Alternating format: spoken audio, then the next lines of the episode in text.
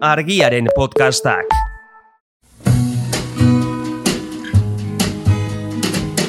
Don't know much about history. Don't know much biology. Don't know much Hau, oroimen histerikoa da. Historia diren istorioek txoratzen gaituztenon podcasta. But I do know that I love you. And I know that if you love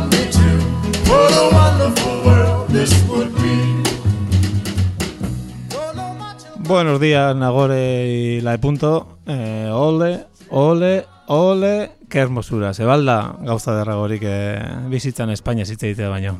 Eh? Ze gaur Espainia dugu izketa gai, baina Espainia eine potolo, eine potolo batekin, ondo oskatuta, ahoa beteta, behar den bezala. Eta bereziki einaren gainean etzan da gertzen den gizon-gizon iberiko horretaz eh, hitz egitera guazela uste duz. Eh, Espainia laguna, zerbait baldin bada, Espainia da diferentea Bai, bakarra munduan. Eta azteko, agian, 0B, eta ar alfa hoietako batekin astea baino. Ez? Manuel, Manuelito Fraga, gure laguna. bai, Manuel Fraga iribarne. Mm, Hori ere gure aldeu. E, Mm, pentsa ezagun ez ez. vale. Kontua da, mila batzion da irurogeita bian, Manuel Fraga iribarne informazio eta turismo ministro izendatu zuten, Frankismoan, hori da, pare. bai. Eta zer egintzun, e, ordura arte Espainiare, Espainiako turismoa edo e, sustatzeko erabiltzen zen leloa, Spain is beautiful, aldatu eta Spain is different ezaguna. Ba, alde, alde herrian. Hori da. Vale, publizista gutxa zan, hiri. Bai. Egia da, e, zomen zuen berak asmatu, bere alkulari batek. Bai. Inglesa zekin alkulari batek. Hori garrantzitsua, bai. bai.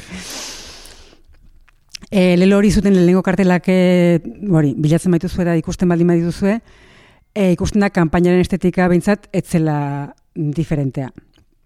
Toreroak, flamenko dantzariak eta halako topikoak agertzen dira irudietan, baina urte horietan aldatu zen turismoaren paradigma. Mm, Kan- Zer gertatu zen. Ba, bueno, igual inflexio puntua mila batzion da berrogeita meretzian jarri dezakegu, ez? Amarka aldaketa. Eta mm, baita ere, badiez, e, berrogeita meretziko ustailan, e, benidorreko nazioarteko kanta jaialdia burutu egin zen lehengoz. Mhm. Orain berriro berreskuratu dana Eurovisioneko hautagaia, bai, bai, bai. Osea, ordu, sorburua. bai, bai. Ara. Eta, bueno, benidormeko kasua oso, oso nabarmena da. Hau da, arrantzale herri txiki bazen berro eta marretan, eta gaur egun da, e, munduan biztanleko etxe horratz e, gehien di- dituen hiria. Eta kulturaren, bueno, eh, referente. Hori da. Eta urbanismoarena. Ere bai, pizka. bai. E, besteak beste adibidez, Torre Molinosen, Pez Espada Hotel erraldoia eraiki zuten, eta, eta hor datu batzu daude ez, urte hasieran e, Espainia frankistak e, la, e, barkatu, irurogeita masei, koma iru milioi dolarretako defizita zeukan, eta, eta gainera etzen egoera bat ere ona, petrolio hornikuntza eteteko mehatxua zuen zelatan, ja Marshall plana ez, Bai. e, amaitzen ari zen, eta, eta urte amaieran aldiz, e, turisten dibisei esker, eun milioi dolarreko superabita Ora. e, lortu zuen erregimenak. Eta, eta datu hau edanak, orain arte esan ditut den- danak, e, jaso ditu liburu batetik, Gabriel Cardona eta Juan Carlos Rosada historialariek idatzi zutena, 2000 bederatzean, e, La invasión de las suecas izenekoa.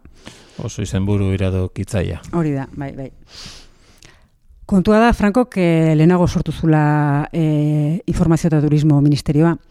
E, mila betzion da berrogeita maikean, baina oso zaila zen Mediterranean adibidez Frantzia eta Italiarekin lehiatzea, komunikabide eta errepide sarea oso kaxkarra zen Espainian, etzegon ia hotel modernorik, etzegon kanpinik, eta eta ja, mila batzion da irurogeian, urte hortan zehazki, e, oraindik ere elite turismoak e, eman zuela etekin gehien, Estatu batuarrak adibidez ziren e, e, gutxiengoa, Mhm. bisitari kopuruari dagokionez, baino hori eliteko turismoa zen, hau da, gutxi hoiek dirutza e, Utzi zuten. utzi zuten, bai, bai. Urte dagoita mairu milioi dolar xautu zituzten, estatu batu Espainian, Eta beraz, oso gutxi ziren, baino turismoak sortutako irabazien euneko berrogeita bosta, haiei esker eh, lortu zen. Eta, mm. baino egia da handik aurrera ja, masa turismoa gailenduko zela, ez? Ba, besteak beste, e, astakeria ur- urbanistikoi esker, Bai, eta zertaz ari garen nahi ikusi nahi duena grafikoki, hartu kotxea, june realde katalanetara, eta bereziki Valentzia eta Alakanteko kostaldetik bera doan autopistatik voltatxo bat eman, eta, wow, bai, espekulazioa eta zuntxipenari, porlanesko omenaldi erraldoi bada. Nek ikusi Bai. nun lehen aldi, lehen da biziko aldia, flipatu nuen. Eta uste dut hor dakala oinarria bai. Aipatzen izaren gara hietatik, ona izan den espekulazio eta zuntxipen natural horren, bueno, ondorio.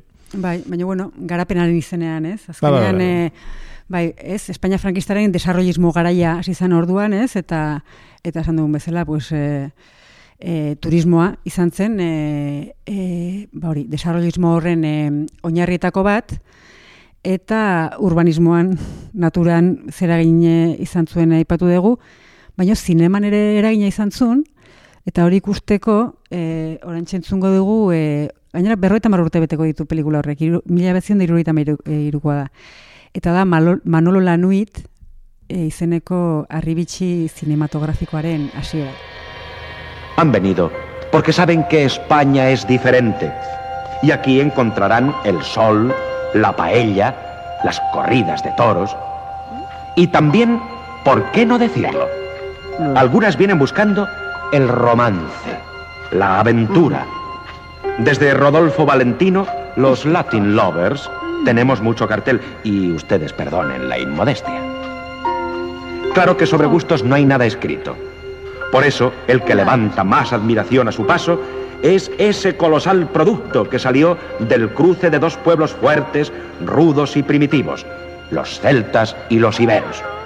Nos referimos al racial celtíbero español, que en este caso se llama Manolo.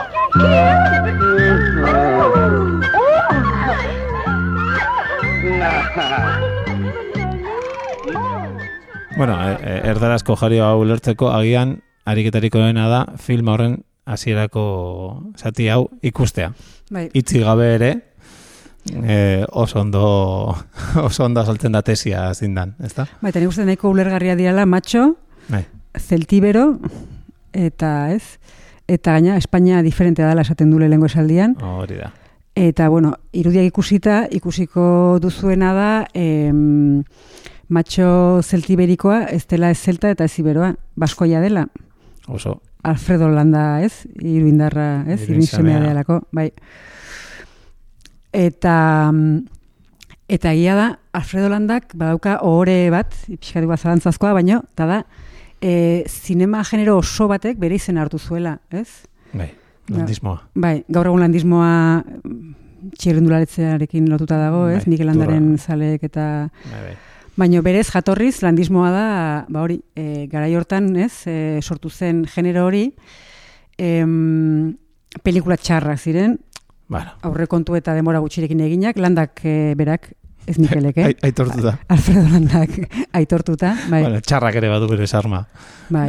Home, eta meritu ere badu, eh? Hainbeste pelikula txar, eta gero, sekulako arrakasta izate zuten, Bai. e, zeak... E, Kompetentziare agian txikixoa zan, bai, bai. eh, gobernuaren laguntza, eh, bueno, Eta gero aitortu behar da ere, transizioarekin e, genero hau e, amaitu zela, mm, e, bori, transizioarekin, baina baita ere e, landa, ez, Alfredo Landa beraren lanekin, ez, e, lan, esan ezagun serioak egiten hasi zen, eta dibidez, laro lauan, kaneko e, zinemaldiko e, saria jaso zuen. a ber? Los Santos Inocentes, Ah, pelikula batik, bai, Hori bai, horregatik. hori bai.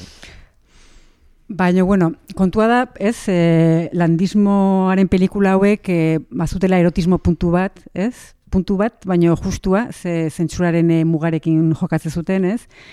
Eta tarteka gai sozialen bat ere agertzitekeen, baina gero amaieran, pelikularen amaieran, beti, ez, e, moraleja oso, oso ultrakonservadorea zen, Non les ba. eta eta bueno, beste izen buru batzuk, ez? Manolo, Manolo Lanuit e, e, zati bat entzun dugu, baina beste batzuk adibidez Amor a la española edo Tres suecas para Tres Rodríguez. Hola, eh, tesia ja, izan burutik garbi Bai. utzita. Hori da. Eta, bueno, gaina, aipatu dut, e, zera, e, aipatu ditugun datuak eta e, la invasión de las suecas liburuti zela, ez? Eta, orduan, nire galdera, nondi dator, ez? Suekekiko, ez? Emakume, turista emakume suediarrekiko obsesio hori. Bez, ez, suediarrak ere kopuruz, ez dira inbeste ez munduan, are- eta Europan ere. Ez gara hartan, e, turisten bi herenak ziren frantziarrak, inglesak eta eta alemaniarrak, eta suediarrak oso gutxi ziren. Ja. Eta, eta orduan, Cardona eta Losadak, liburuaren egileak esaten dute, Espainiarrentzat emakumezko turista guztiak suediarrak ziren. Inor, inortxok ere ez daki, mitoa nola sortu zen. Ja. Hau da, ez dakigu. Zergatik e, suekekin alako... Bueno, ez da. Egia da, Ipar Europako emakume estereotipatuen, ez, altuak, eh, rubioak, azaltxurikoak, ba, aian justo, macho zeltiberikoaren antipodetan Bai, baina- edo, ez da, Hogara derantziz da, igual, estereotipozat joten ditugu, ez? Ba hori, egualdekoak izanik ere, pues, ja. ez, horren eragina izan dugulako. Mm, Bai, edo sortzaien ame txesteak, edo auskalos zer dago noratzean. Baina Bai. zer honik ez, ez dut uste. Hori da. Kontua da, hori, kardonak eta losadak e, beraz ez diotela galdera horri erantzun, eta ez dakigu mito hori zueken mitoa, ez, horren atzean zer dagoen, baina bai, bi egileek e, espeiniz diferent, ez, leloaren, leno horren atzean e, dagoena oso garbi uzten dutela liburuan, eta bereik diotenez, e, leloak mezu subliminal maltzurra zuen. Espainia desberdina bada, sistema politiko desberdina izatea ere justifikatuta dago. Ja, bai, bai. Ze, bueno, Espain iz diferent, baina batez ere, batez ere, Espain zer den hobeto saltzen du, hasierako S-a eh, kentzen badiozu. Hori da, Spain is pain. bai. Beraz, lagunak, ba, hau esan da, agian, ze, zingo du. Kalamare bokata bat jatera jun, o... Ez da egite. Ondartzara? Benidorrera buelta bat? Ba, zu, betu, suediara joango bazina, agian, eh, neko, eh, suediar estereotipo horretatik eh, pasako zinak, eh, nagore? Ba, agian bai. Ba, guazen, suediara. Argiaren podcastak. Podcast hau libre eta doan zabaldezakegu argiaren komunitatea osatzen duten milaka lagunek proiektua diruz babesten dutelako. Zuk ere kazetaritza independentea bultzatu nahi baduzu, egin zaitez argiako kide.